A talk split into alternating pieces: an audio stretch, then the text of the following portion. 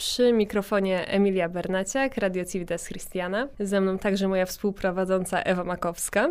Dzień dobry, szczęść Boże. A z nami w studiu dzisiaj siostra Marianna i siostra Anastazja Nazaretanki, a raczej pełna nazwa zgromadzenia to Zgromadzenie Sióstr Najświętszej Rodziny z Nazaretu. Tak się potocznie mówi Nazaretanki, tak się przyjęło. Witamy Was w akcji formacji po naszej przerwie, po naszej małej zmianie. I właśnie dzisiaj już będziemy rozmawiać o zakonach, o zgromadzeniach. Tu są z nami siostry, już zostały przedstawione, więc może wejdźmy od razu tutaj w temat i zacznijmy zacznijmy od początku. Jak powstało zgromadzenie? Kto je założył? Może najprostsze pytanie to ja zacznę. Nasze zgromadzenie założyła błogosławiona Franciszka Siedliska. To postać y, nasza matka, która żyła w XIX wieku, druga połowa XIX wieku to był czas powstawania naszego zgromadzenia. Błogosławiona Franciszka jest Polką, była Polką, jest związana z terenem Mazowsza. Urodziła się w Roszkowej Woli, więc to jest mniej więcej około 100 kilometrów od Warszawy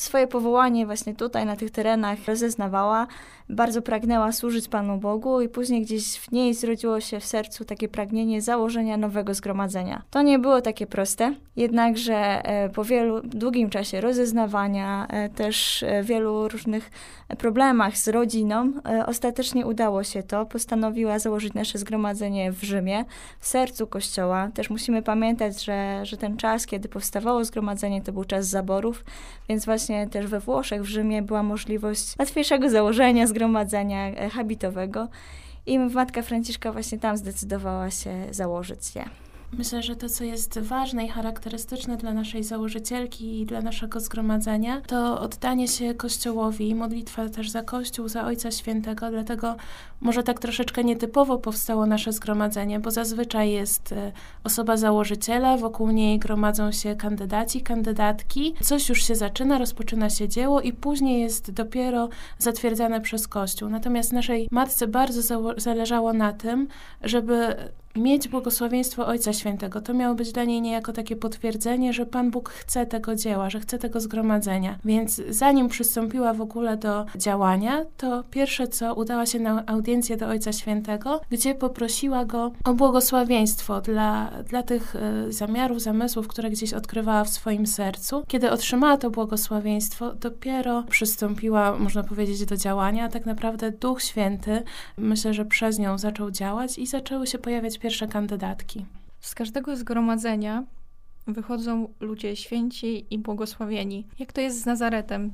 Bo z tego, co ja jeszcze kojarzę z mojej przygody, związanej jeszcze z duszpasterstwem młodzieży nazaretańskiej, za naszą wschodnią granicą była niezwykła grupa sióstr, które poniosły śmierć i które teraz, no tutaj Nazaret też pokazuje, że one były świadkami, żywymi świadkami wiary.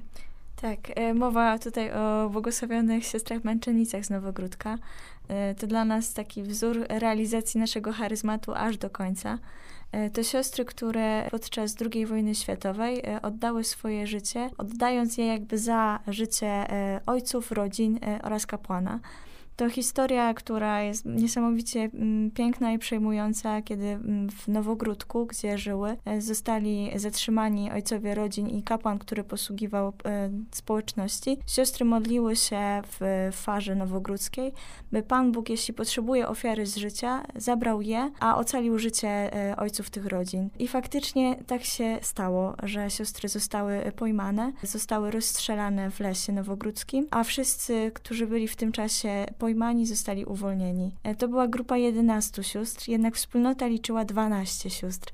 Jedna z sióstr w tym czasie pełniła inną posługę i nie została zatrzymana razem z siostrami, bo jest to siostra Małgorzata. Teraz toczy się jej proces beatyfikacyjny, jest sługą Bożą. Ona poczuła taką misję, że jako, że została w tym miejscu jako jedyna ze wspólnoty, ona ma tam zostać do końca i służyć tej społeczności. W bardzo ofiarny sposób, sama bez sióstr, była z tymi ludźmi, prowadziła modlitwy, opiekowała się kościołem, dbając o to, by, by ówczesne władze jakby nie zamknęły go.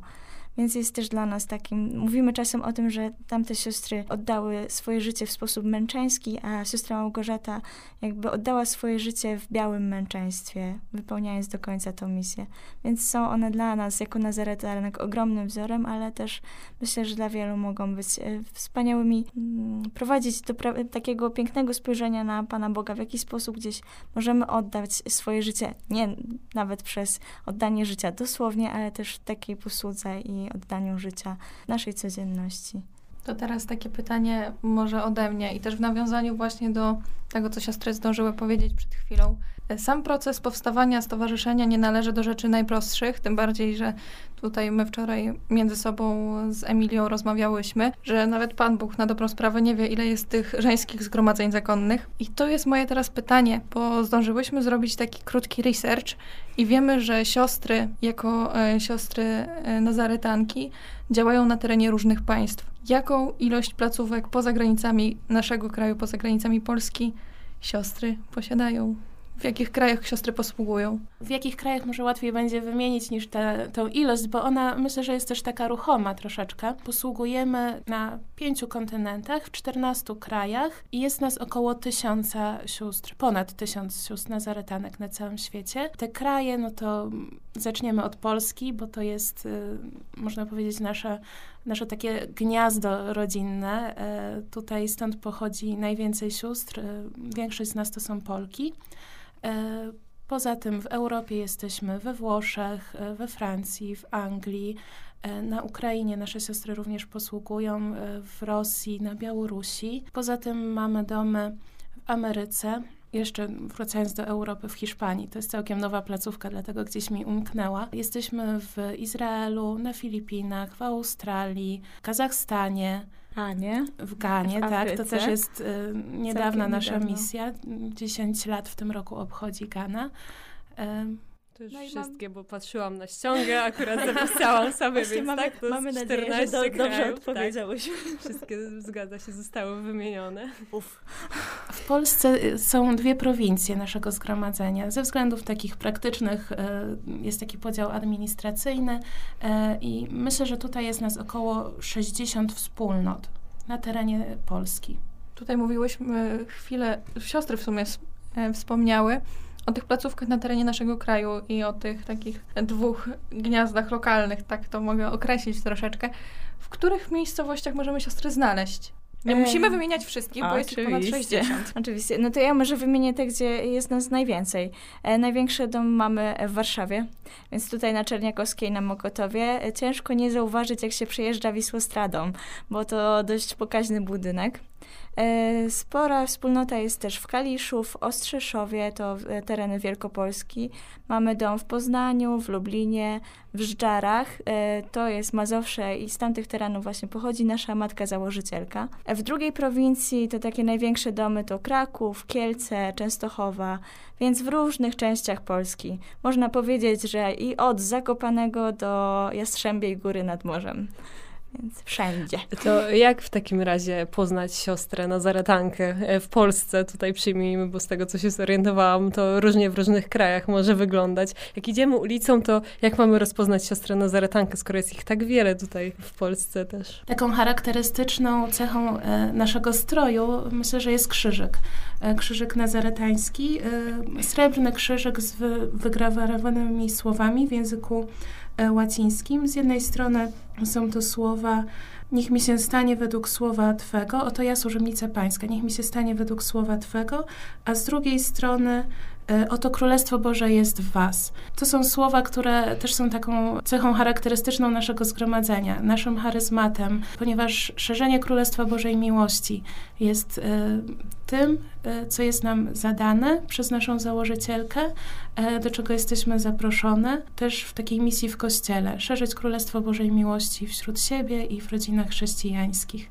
Trochę odbiegłam od tematu. Nie no, dlaczego? To teraz przejdźmy może dalej i pociągnijmy ten temat szerzyć to Boże miłosierdzie. W jaki sposób w takim razie siostry to realizują? Tak ogólnie mówiąc. Centrum naszej misji jest rodzina. Jakby też jako nazaretanki wpatrujemy się w świętą rodzinę i z niej głównie czerpiemy wzór. Więc taką naszą misję kierujemy na rodzinę. To jest bardzo szerokie, więc tak w konkrecie to szerzenie Królestwa Bożej Miłości to jest posługa rodzinie poprzez e, od najmłodszych, poprzez przedszkola, poprzez domy samotnej matki, też e, posługę w szkołach. Sporo sióstr katechizuje w różnych miejscach Polski. Mamy też swoje szkoły tu w naszej prowincji w Warszawie i w Kaliszu, które prowadzimy. To też posługa poprzez duszpasterstwo, duszpasterstwo młodzieży, duszpasterstwo rodzin, którzy, które są jakby zjednoczone w Stowarzyszeniu Najświętszej Rodziny, ale też taka posługa w różnych miejscach w parafiach, e, w takich zwyczajnych, e, posługa właśnie w zakrystii, e, przy parafii, w jakiś sposób pomagając księżom i docierając do tych rodzin, które właściwie są wszędzie. Więc tak naprawdę z jednej strony konkretnie, a z drugiej strony mało konkretnie by się wydawało, ale tak naprawdę nasza matka założycielka zwracała uwagę na to, że nasze zgromadzenie ma być jak strażnica, czyli ma wypatrywać tam, gdzie się pali i iść tam, gdzie Kościół właśnie nas potrzebuje. Więc też się staramy gdzieś ciągle e, rozeznawać, e, patrzeć na potrzeby Kościoła dzisiaj i tam odpowiadać, byśmy jako nazaretanki mogły nieść tą miłość. To może teraz ja zadam pytanie, już tutaj porozumiewawczo z Emilią się wymieniamy spojrzeniami. Kwestia charyzmatu, kwestia samego wyboru tej drogi życiowej, no raczej nie należy do najłatwiejszych, przynajmniej z punktu widzenia młodej osoby, młodej kobiety, która chce zobaczyć, czym jest zgromadzenie, czym ono się zajmuje, czym się charakteryzuje. Jak rozeznać to powołanie w kontekście właśnie tych charyzmatów? Czy łatwo jest znaleźć zgromadzenie, tak jak siostry wybrały zgromadzenie Najświętszej Rodziny z Nazaretu? Jak to było? Czy łatwo było wybrać spośród tylu innych ofert? Co takiego szczególnego w tym charyzmacie siostry pociągnęło? Może też e, jaka osoba jakby szukająca, czująca powołanie, ale nie wiedząca do którego zakonu może się udać, co ona powinna chcieć robić w życiu? Wydaje mi się, że e, pierwszą taką rzeczą to jest pytanie się Jezusa, czego On e, chce od nas, czego chce dla nas, co Jego zdaniem jest dla nas najlepsze. Więc Przede wszystkim rozeznawanie dzieje się na modlitwie i to musi być pierwsze miejsce, gdzie zadajemy sobie te pytania, gdzie chcemy szukać odpowiedzi, ale później, no wiadomo, trzeba zrobić jakiś krok naprzód i spróbować poznać zgromadzenie. Czy to będą nazaretanki, czy salezjanki, czy franciszkanki, czy jakieś inne zgromadzenie. Warto po prostu pojechać na jakieś rekolekcje rozeznaniowe, gdzie będzie można się troszeczkę dowiedzieć więcej o zgromadzeniu, właśnie o tym, czym jest charyzmat i słuchać swojego serca. Ja jak rozmawiam z wieloma siostrami i pytam się na przykład, skąd wiedziały, że to jest to, a nie inne zgromadzenie, to mówią, jak weszłam do tego domu, jak weszłam do tej kaplicy, to po prostu czułam, że to jest mój dom. I to się bardzo często powtarza e, w ich historiach. Na przykład mówiły, że no, wychowywały się gdzie, gdzieś w parafii, gdzie były inne siostry, ale jak weszły do tego domu, do tej kaplicy, to wiedziały, że to jest to miejsce. Czasami jest tak, e, czasami ta historia może potoczyć się zupełnie inaczej. Każdy ma swoją taką indywidualną e, historię. Ja na przykład chodziłam do szkoły, którą prowadziły nasze siostry. E, tak poznałam Nazaretanki i gdzieś w tym czasie też zaczęło rodzić się takie pragnienie życia zakonnego. Natomiast później dużą część mojego życia związałam z Salezjanami e, i gdzieś ten ich charyzmat też był mi bliski. I jak przyszłam w końcu do Nazaretu, bo ostatecznie właśnie tak rozeznałam, to pamiętam, że moja dyrektorka postulatu, ona pytała się mnie nieraz, e, jak to się stało, że jesteś tutaj, a nie u Salezjanek, bo tak kochasz księdza Bosko i tak często o nim mówisz i tak często mówisz o Salezjanach. Natomiast ja wiedziałam, że dla mnie święta rodzina jest no, takim ważnym punktem odniesienia w moim życiu życiu, e, modlitwa za rodziny i oddanie się służbie rodzinie. Też myślę, że e, właśnie każde zgromadzenie ma jakąś taką swoją duchowość. To, co mnie pociągnęło w duchowości Nazaretu, to taka zwyczajność. To jest jakby dla mnie takie podstawa tego takiego odnajdywania Pana Boga w tym, co zwyczajne, co proste, co codzienne. Tym się charakteryzuje też Nazaret. Tym to właśnie gdzieś głosimy, że Pan Bóg jest w obecny tu i teraz, w każdej sytuacji, w której jesteśmy. E, tak jak był obecny w Nazarecie, e, w świętej rodzinie, nie wyróżniał się niczym specjalnym, tylko właśnie był Bogiem pomiędzy ludźmi. Tak samo my, jako Nazaretanki, patrzymy na życie bardzo zwyczajnie, prosto, szukając w codzienności działania Pana Boga i do Niego odwo odwołując się w naszym każdym doświadczeniu. Więc to było dla mnie takie najważniejsze. To teraz jeszcze takie Y, troszeczkę wymijające pytanie. Było trochę o postulacie. Wiem, że jest nowicjat, ale to są tylko niektóre z etapów, które dziewczyna wstępująca, chcąca rozeznać, czy na pewno ta droga e, życia zakonnego jest dla niej, musi pokonać przed złożeniem e, ślubów. jakie inne etapy po prostu tej drogi są obecne w zgromadzeniu sióstr Nazaretanek? Pierwszym w ogóle etapem to jest e, aspirat. To jest taki moment, kiedy dziewczyna już wyraża mm, taką chęć rozpoczęcia drogi życia zakonnego, ale powiedzmy, że jeszcze w tym czasie może kończyć e, szkołę, kończyć pracę, jeszcze być troszeczkę w świecie, natomiast już ma taki stały kontakt ze zgromadzeniem, jest włączona też w modlitwę naszego zgromadzenia, przyjeżdża na dni skupienia, ma kontakt z dyrektorką aspiratu i w końcu podejmuje taką decyzję, że przyjeżdża do, do zgromadzenia, rozpoczyna już swoje życie zakonne tak oficjalnie, zaczyna się postulat. Jest to okres, który trwa od roku do dwóch. E, on mieści się u nas akurat w Żdżarach, czyli e, w miejscu, skąd pochodzi nasza założycielka.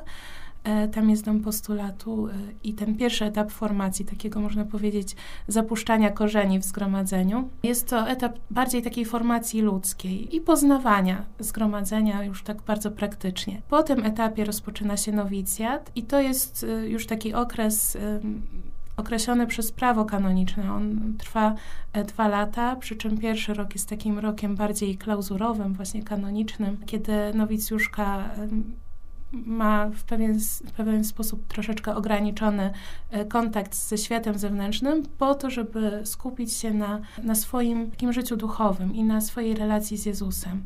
E, drugi rok nowicjatu jest takim czasem już bardziej apostolskim, kiedy wyjeżdża się też na praktyki do różnych e, wspólnot, kiedy patrzy się, jak to życie nazaretańskie wygląda w codzienności, już w posłudze apostolskiej. Natomiast nowicjat kończy się złożeniem pierwszych ślubów, które powtarza się co roku. Jest to okres junioratu, czyli takiej formacji czasowej. I to jest już takie bardzo konkretne łączenie życia pracy e, z życiem modlitwy e, i dalszego rozeznawania, czy to jest moja droga. Jeśli tak jest, to po tym czasie, on może trwać od 3 do 7 lat, składa się śluby wieczyste.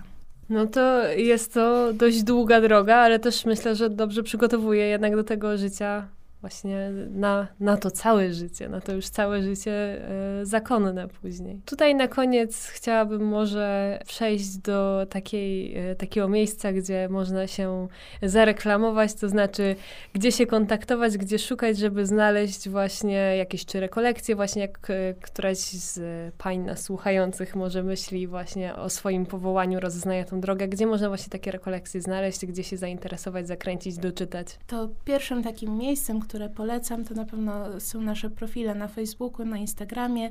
E, jest taki profil Duszpasterstwo Powołań Sióstr Nazaretanek. Tam można zajrzeć, tam są informacje o spotkaniach, skupieniach. E, w maju będzie takie skupienie w Lublinie, pod koniec maja tam na pewno pojawi się niedługo plakat z informacją, ale też mamy takie spotkania co tydzień online, tak zwane środy w Nazarecie, spotkania na Zoomie, gdzie właśnie osoby, które rozeznają swoje powołanie, dziewczyny, które szukają e, swojej drogi, gdzie w jakiś sposób już wyrażają zainteresowanie naszym zgromadzeniem, spotykamy się, rozmawiamy, dzielimy się Słowem Bożym, poznają e, Nazaret, poznają nasze zgromadzenie, więc to jest też taki piękny czas spotkań, to jest każda środa, godzina 19.30, e, też na naszych profilach profilach są e, informacje o tych spotkaniach. Wystarczy napisać e, e, i wtedy wysyłamy link kontaktowy i jest też taka strona internetowa, może ona nie jest zbyt aktualna, ale na pewno kontakt do, do nas można tam znaleźć www.dmn-nazaret.pl ukośnik powołania. Wspomniałam o profilu na Facebooku i na Instagramie, ale jest też nasz kanał na YouTubie Duszpasterstwo Młodzieży Nazaretańskiej. I tam są też różne filmiki, gdzie dzielimy się naszym powołaniem, gdzie siostry też dają świadectwo, a tak szczególnie chciałam zaprosić na najnowszą serię, ona jest w toku, raz w tygodniu, w każdą środę, wychodzi kolejny filmik, nazywa się Tajemnice Nazaretu. I tam siostry na różnym etapie e, swojego życia dzielą się tajemnicą swojego serca.